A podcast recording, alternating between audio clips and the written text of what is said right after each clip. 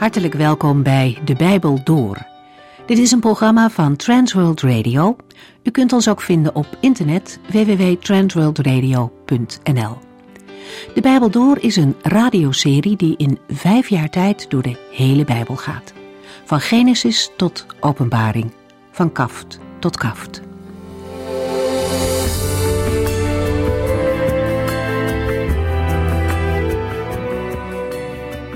Vandaag lezen we in Openbaring 20. Het vorige hoofdstuk beschreef het oordeel over het beest, de valse profeet en hun handlangers. Als zij zijn verslagen, komt de definitieve uitschakeling van de draak, dat is Satan zelf.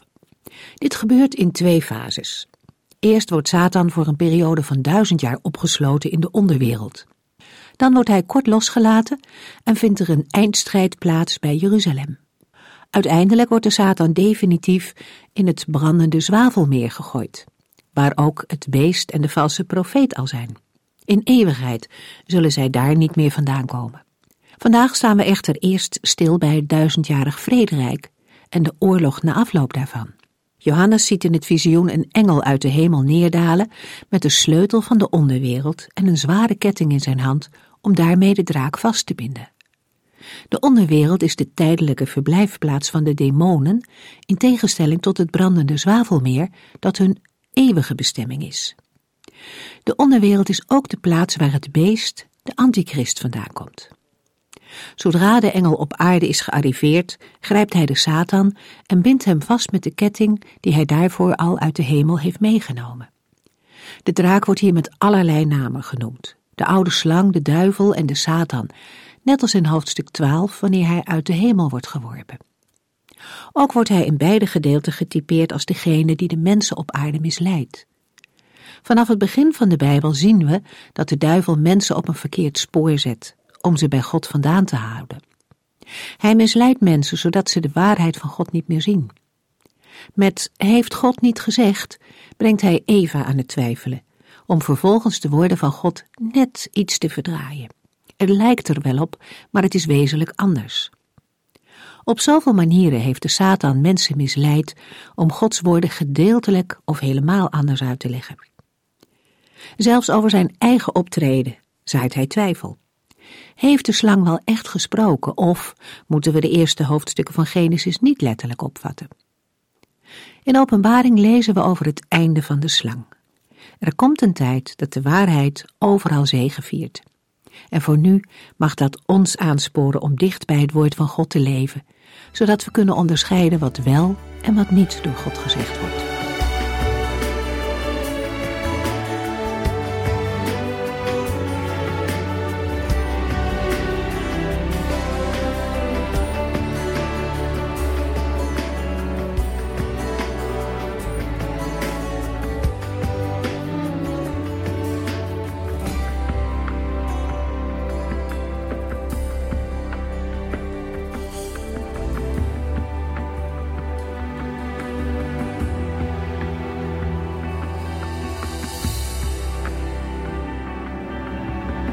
Kijken nog even terug naar de vorige uitzending.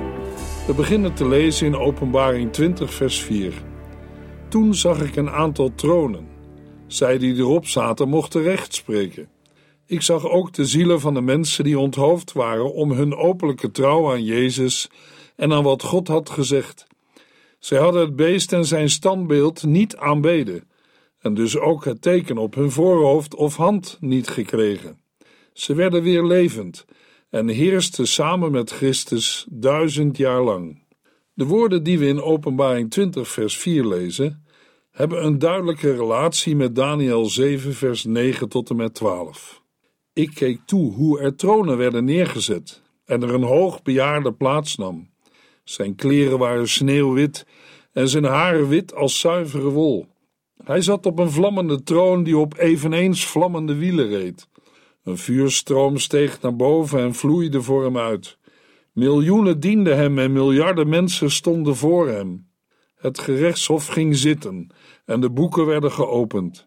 Terwijl ik keek, hoorde ik de overmoedige woorden van de hoorn van het vierde dier.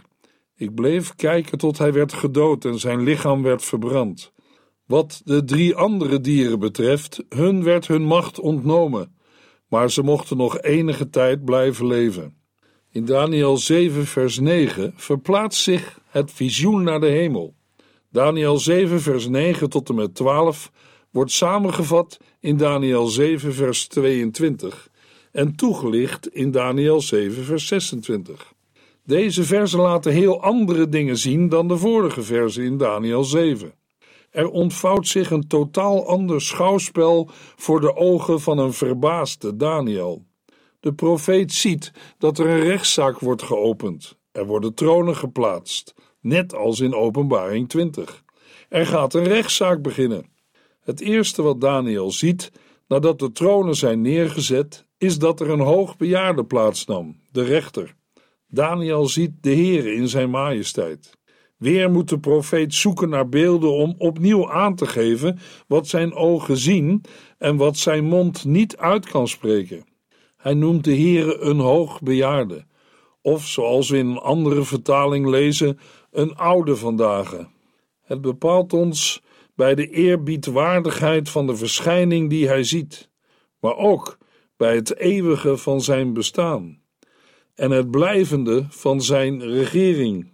Tegenover het verschrikkelijke van de vier dieren staat het eerbiedwaardige en ontzagwekkende van de verschijning van de Heere. Tegenover het vergankelijke van de macht van de vier dieren staat het blijvende en eeuwige van de heerschappij van God. De Heer is met niets van deze aarde en wereld te vergelijken. Hij is de geheel andere, de verhevene, de heilige. We lezen verder in Daniel 7, vers 13 en 14. Daarna zag ik in mijn droom de aankomst van iemand die eruit zag als een mensenzoon. Hij kwam op de wolken van de hemel en werd naar de hoogbejaarde geleid. Hij ontving macht en heerschappij om te regeren en werd overladen met eerbewijzen. Mensen van allerlei verschillende volken en talen dienden hem. Hij zal eeuwig heersen en aan zijn macht zal geen einde komen. Zijn koningschap is zo geweldig dat het nooit ten val zal komen. Gelukkig ziet Daniel nog meer. Hij ziet niet alleen het oordeel. Het visioen dat de Heere Daniel geeft houdt niet op bij vers 11 en 12. In de versen 13 en 14 vraagt de profeet er nadrukkelijk aandacht voor. Opvallend is dat wat Daniel ziet en schrijft blijkbaar zo duidelijk is dat de lezers geen nadere verklaring en uitleg nodig hebben. Hij komt op de wolken van de hemel. Engelen begeleiden hem in statie tot voor de troon van de Heere God. Hij ontvangt het koninkrijk dat de hele wereld omspant en dat eeuwigdurend is en nooit ten val zal komen. Een totaal ander koninkrijk dan dat van de vier dieren. Wie is deze mensenzoon? Als we de evangelie lezen, ontdekken we dat de Heer Jezus zichzelf bij voorkeur aanduidt als de mensenzoon. Het is Jezus Christus. In de samenvatting die Daniel geeft, in Daniel 7, vers 19 tot en met 22, wordt in vers 21 en 22 gesproken over de heiligen, die verslagen worden en toch heersen zullen. Daarbij gaat het Daniel om de grote strijd tussen het koninkrijk van God en de koninkrijken van de wereld. Hoe loopt die strijd af? Komt de Heer wel aan zijn eer? Het antwoord lezen we in Daniel 7, vers 18. Daarna zal het heilige volk van God, de Allerhoogste, de macht krijgen en de wereld vol altijd regeren tot in alle eeuwigheid. Maar wie zijn die heiligen? In Daniel 7, vers 18, 22, 25 en 27 worden ze het heilige volk van God genoemd. In Daniel 7, vers 25 lezen we: Hij zal tekeer gaan tegen God, de Allerhoogste, en zijn heiligen achtervolgen. Voor zijn heiligen kunnen we ook lezen: de heiligen van de Allerhoogste. Onder het heilige volk van God moeten we dan verstaan allen die de Heere toebehoren en zijn eigendom zijn. Dat gaat verder dan alleen het volk Israël. In het licht van de wederkomst van de mensenzoon gaat het over de gemeente van Christus uit Joden en niet-Joden. Zij kunnen op grond van het verzoeningswerk van Christus als het heilige volk van God worden aangeduid. Ze zijn niet heilig vanuit zichzelf, maar door Christus. Luisteraar, wij zijn vaak geneigd van het woord heilig te schrikken. Maar het zegt allereerst niets van gelovige mensen zelf, maar van wat de Heere uit genade in hun leven heeft gedaan. Van nature leefden zij net als alle andere mensen in de wereld van het beest. Maar de Heere heeft hen uit de wereld geroepen en van die wereld afgezonderd om de levende God toe te behoren en te dienen. We lezen verder in Daniel 7, vers 15 en 16. Ik, Daniel, was diep onder de indruk door alles wat ik had gezien, en de visioenen brachten me in verwarring. Daarom ging ik naar een van de omstanders en vroeg hem naar de betekenis van dit alles. Hij legde het mij uit. Wij begrijpen dat, na alles wat Daniel heeft gezien in de visioenen, hij graag wil weten wat de betekenis van dit alles is. Ook na de verklaring van de engel, een van de omstanders, lezen we in vers 28: Dit was het einde van de droom. Bij het ontwaken verkeerde ik, Daniel, in grote verwarring. Ik was helemaal ondaan, maar vertelde niemand wat ik had gezien. In de Hebreeuwse tekst lezen we: Deze woorden bewaarde ik in mijn hart. Daniel 7, vers 21 en 22. Want ik had gezien dat deze hoorn vocht tegen de heiligen en van hen won, tot de hoogbejaarde kwam en zijn heiligen de overwinning gaf. Toen was het moment aangebroken waarop zij de macht kregen. Dit laatste lazen we ook in Openbaring 20, vers 4. Daniel 7, vers 26 en 27. Maar dan zal er een rechtszitting zijn en hem zal zijn macht ontnomen worden. Hij zal voor eeuwig vernietigd worden. Alle naties, koningen en grootheden onder de hemel zullen hun macht kwijtraken aan het heilige volk van God. Hij zal voor eeuwig over alles en iedereen regeren, en alle machthebbers zullen hem dienen en gehoorzamen. En in de laatste woorden van Openbaring 20, vers 4 lezen we over de gestorven martelaren. Zij werden weer levend en heersten samen met Christus duizend jaar lang. Openbaring 20, vers 5. Dit is de eerste opstanding. De rest van de doden werd pas weer levend na die duizend jaar. Als in vers 4 de opstanding van gelovigen wordt beschreven, moeten we bij de rest van de doden denken aan alle mensen die ooit hebben geleefd zonder bekend te zijn geweest met de God van Abraham, Isaac en Jacob, ofwel het evangelie hebben afgewezen. Zij zullen pas opstaan uit de doden als de duizend jaar voorbij zijn. Openbaring 20, vers 6. Gelukkig zijn zij die aan deze eerste opstanding deel hebben. Zij zijn als heiligen voor God afgezonderd de tweede dood zal u niets kunnen doen. Zij zullen priesters van God en Christus worden en al die duizend jaar samen met Christus regeren. Er wordt voor de vijfde maal in het Bijbelboek Openbaring een zaligspreking uitgesproken. Nu over degenen die deel hebben aan de eerste opstanding, dat wil zeggen, de gelovigen die met Christus in het Messiaanse Rijk zullen regeren. Voor hen geldt dat de tweede dood over hen geen macht heeft. De tweede dood is de straf die de ongelovige straks bij het laatste oordeel ten deel zal vallen, maar waarvan de gelovigen worden gevrijwaard. We lezen in Openbaring 20, vers 14 en 15: Het graf en het dodenrijk werden in de poel van vuur gegooid. Dat is de tweede dood.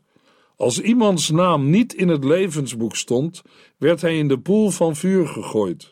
De tweede dood is een eeuwige dood. In Openbaring 21, vers 8 lezen we: Maar lafaards, trouwelozen, verdorvenen, moordenaars, mensen die ontucht plegen, tovenaars, afgodendienaars en bedriegers, staat wat anders te wachten. Het brandende zwavelmeer, de tweede dood. Zij zullen priesters van God en van Christus worden, is een toespeling op de woorden van de Heere tegen Israël in Exodus 19, vers 6. U zult een koninkrijk van priesters van God en een heilig volk zijn. We lezen het ook in Openbaring 1, vers 6. Hij, Christus, heeft ons bijeengebracht in zijn koninkrijk en ons tot priesters van zijn God en Vader gemaakt. Hem komt alle eer en macht toe. Hij regeert voor altijd en eeuwig. Amen. Gelijksoortige woorden lazen we in Openbaring 5, vers 10. Net als Openbaring 1, vers 6 herinnert dit vers aan Exodus 19, vers 6. De gelovigen worden verhoogd tot koningen en priesters. De verloste mensen zullen regeren op de aarde. Dit regeren is in het heden een geestelijke realiteit. En in de toekomst zullen de gelovigen regeren in het vrederijk en in de eeuwigheid. De aangehaalde versen spreken over de hoge roeping van Gods kinderen.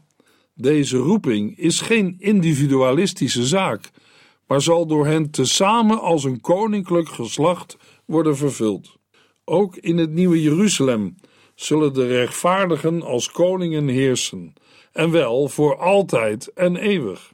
De profetie van Daniel, dat het koningschap aan het volk van de heiligen van de Allerhoogste wordt gegeven, wordt dan ten volle gerealiseerd. Openbaring 20, vers 7.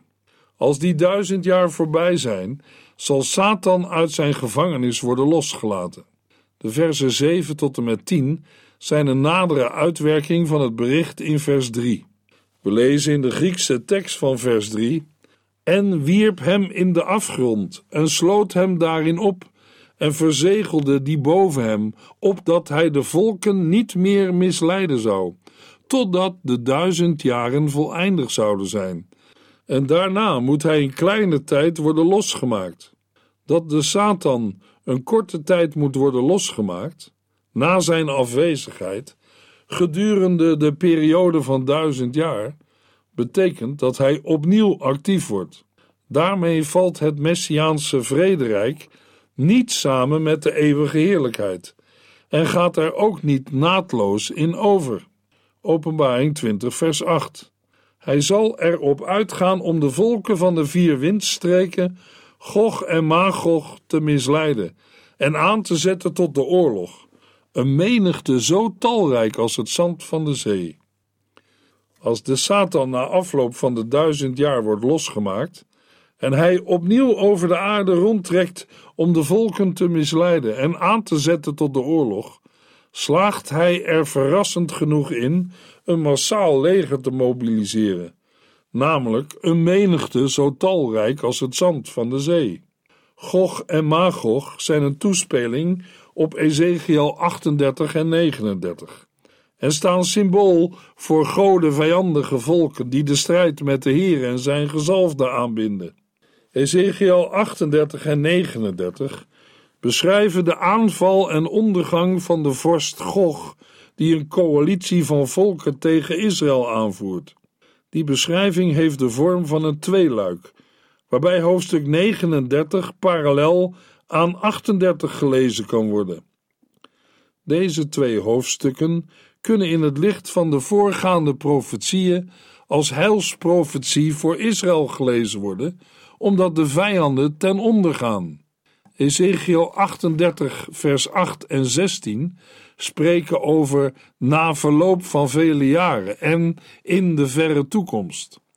De volken die in Ezekiel 38 en 39 genoemd worden, hebben nooit een rol gespeeld in de geschiedenis van Israël en bevinden zich aan de randen van de bekende wereld.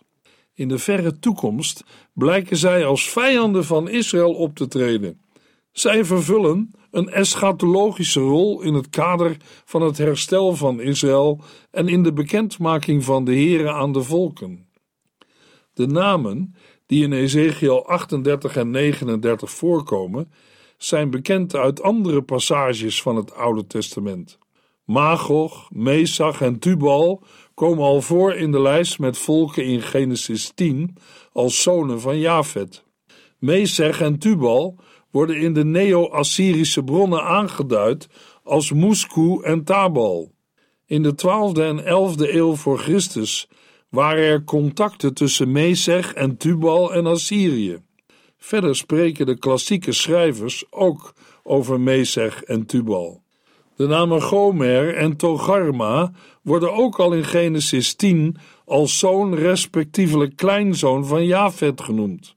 Magog, Mesech, Tubal en Gomer Waren dan ook broers waaruit de volken die in Ezekiel 38 worden genoemd, zijn voortgekomen. De legers van Togarma vormen een tak binnen de nakomelingen van Gomer. Met deze namen wordt verwezen naar de oorsprong van deze volken, die in de tijd van Ezekiel waarschijnlijk nog onder de oude namen bekend waren. Verder wordt met deze aanduidingen naar geografische regio's verwezen waar de genoemde volken woonden. De namen van deze volken zijn niet geheimzinnig, maar aanduidingen van nakomelingen van Jafet, een van de drie zonen van Noach. De naam Gog is veel moeilijker te plaatsen. Deze naam komt in het Oude Testament voor als nakomeling van Ruben in Israël. Maar in Ezekiel 38 en 39 wordt gesproken over een koning Mesech en Tubal uit het land van Magog. Er lijkt een koning bedoeld te worden die vanuit het land van Magog heerst over Mesech en Tubal. In de Septuaginta wordt de naam Gog opmerkelijk genoeg nog enkele malen gebruikt. De Septuaginta heeft de naam in een profetie van Biliam, terwijl de Hebreeuwse tekst Agag heeft. Hun koning zal machtiger zijn dan Agag. Gog. Agag was de koning van de Amalekieten. Verder spreekt de Septuaginta in Amos 7 vers 1 over Gog de koning. Maar de Hebreeuwse tekst vertaalt iets heel anders, namelijk die als belasting naar de koning ging.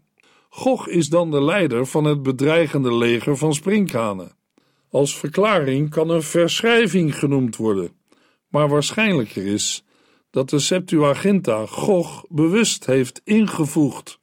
De enige plaats in het Nieuwe Testament waar Gog en Magog ter sprake komen, is in Openbaring 20. Velen hebben zich verdiept in de relatie tussen de profetie over Gog uit Magog in Ezekiel 38 en 39 en de profetie over Gog en Magog van de apostel Johannes. Vragen die dan opkomen zijn onder andere: gaat het om een vervulling of verwijzing? In bepaalde kringen van uitleggers dringt de vraag zich op of de aanval van Gog en Magog voor of na het duizendjarig rijk plaatsvindt. Als mensen Ezekiel 38 en 39 symbolisch uitleggen, roept de verbinding met Openbaring 20 minder vragen op. In beide gevallen gaat het om de aanval van de Satan op Gods kerk of gemeente en de overwinning van de Heere God. Bij Johannes vormen de woorden Gog en Magog een aanduiding voor de vijandige coalitie die na de messiaanse periode van duizend jaar nog eenmaal een offensief tegen de heilige en de stad zal trotseren. Johannes ontleent de aanduiding Gog en Magog waarschijnlijk aan de Septuaginta, die in Ezekiel 38 vers 2 dezelfde aanduiding heeft, in plaats van Gog van de Magog. Johannes plaatst deze episode als kort intermezzo na het Messiaanse tijdperk. Als Johannes denkt aan de vervulling van Ezekiel 38 en 39, moeten we deze na de Messiaanse tijd plaatsen, die dan gelijk zou zijn aan de periode waarin het volk gerust en veilig in het land woont. Er zijn ook Bijbeluitleggers die de profetie van Ezekiel 38 en 39 aan het begin en Openbaring 20 juist aan het einde van de Messiaanse tijd plaatsen, waarbij de verschillen tussen de profetie van Ezekiel en Johannes worden benadrukt. Anderen denken dat Openbaring 20 een toespeling is op Ezekiel 38, maar dat we niet aan een vervulling moeten denken. Gog en Magog worden door Johannes als emblemen voor de vijanden van de Messias in de eindtijd gebruikt. Ongeacht de details in de uitleg is duidelijk dat Johannes het motief van de laatste aanval van Gog en Magog uit Ezekiel 38 en 39 gebruikt en deze plaatst in de toekomst. Net als in Ezekiel 38 en 39 gaat het om een aanval vanuit de vier windstreken op de stad van God of op Israël en om het definitieve oordeel van de Heere God. Toch kunnen we het beeld in Openbaring 20 niet zomaar identificeren of als vervulling van Ezekiel 38 en 39 zien. Daarvoor zijn er te veel verschillen. Op grond hiervan menen sommige Bijbeluitleggers dat Ezekiel 38 en 39 op meerdere momenten in de geschiedenis wordt vervuld, namelijk in Christus, in de kerk, aan het begin van het millennium en aan het einde van het millennium. Johannes gebruikt motieven uit het Bijbelboek Ezekiel. Maar in al deze gevallen zijn er te veel verschillen om ze zomaar te zien als de vervulling van Ezekiel. Het lijkt eerder om een toespeling te gaan. De beelden uit Ezekiel krijgen een nieuwe eschatologische betekenis, die wel aansluit bij de eerste, maar toch anders is. Op zich is dat niet vreemd. Messiaanse teksten hebben doorgaans ook meer lagen van betekenis. Onze conclusie is: Gog en Magog zullen in de tijd van Ezekiel een duidelijke macht of vijand hebben aangeduid. Terwijl wij nu weten dat deze profetie na de tijd van de ballingschap niet is vervuld en nog steeds niet. Daarom zal de vervulling van Gog op zijn minst ook naar een toekomstige machthebber ten noorden van Israël verwijzen.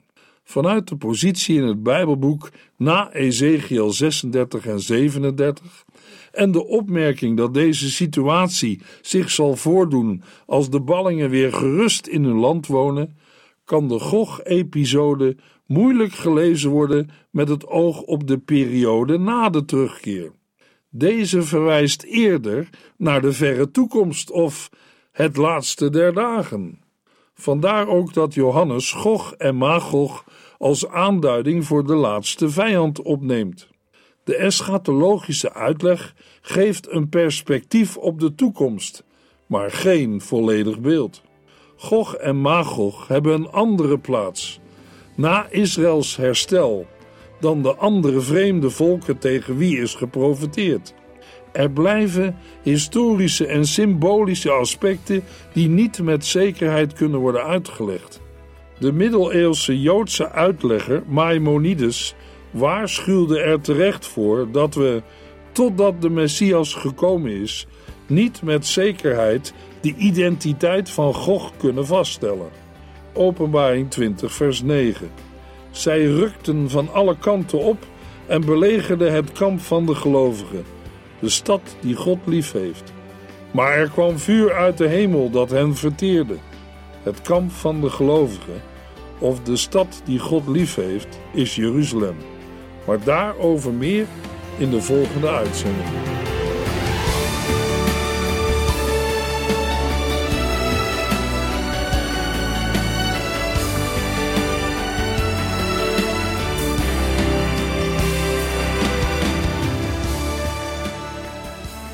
Sinds kort kunt u een USB-stick bestellen met alle uitzendingen en de teksten van de Bijbel door. Ons adres volgt in de afkondiging.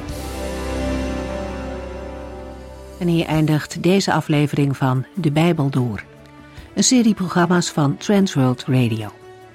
Wilt u ons iets vragen of meer weten? Dan kunt u altijd contact met ons opnemen. Bellen kan overdag met 0342 478432. Per post Transworld Radio, postbus 371, postcode 3770, Anton Johannes in Barneveld. En e-mailen kan ook. De Bijbel door at transworldradio.nl En natuurlijk ook via onze website transworldradio.nl Dit programma werd gepresenteerd door Cor Weda en Ike André. En namens iedereen die er nog meer aan meegewerkt heeft, graag tot de volgende keer.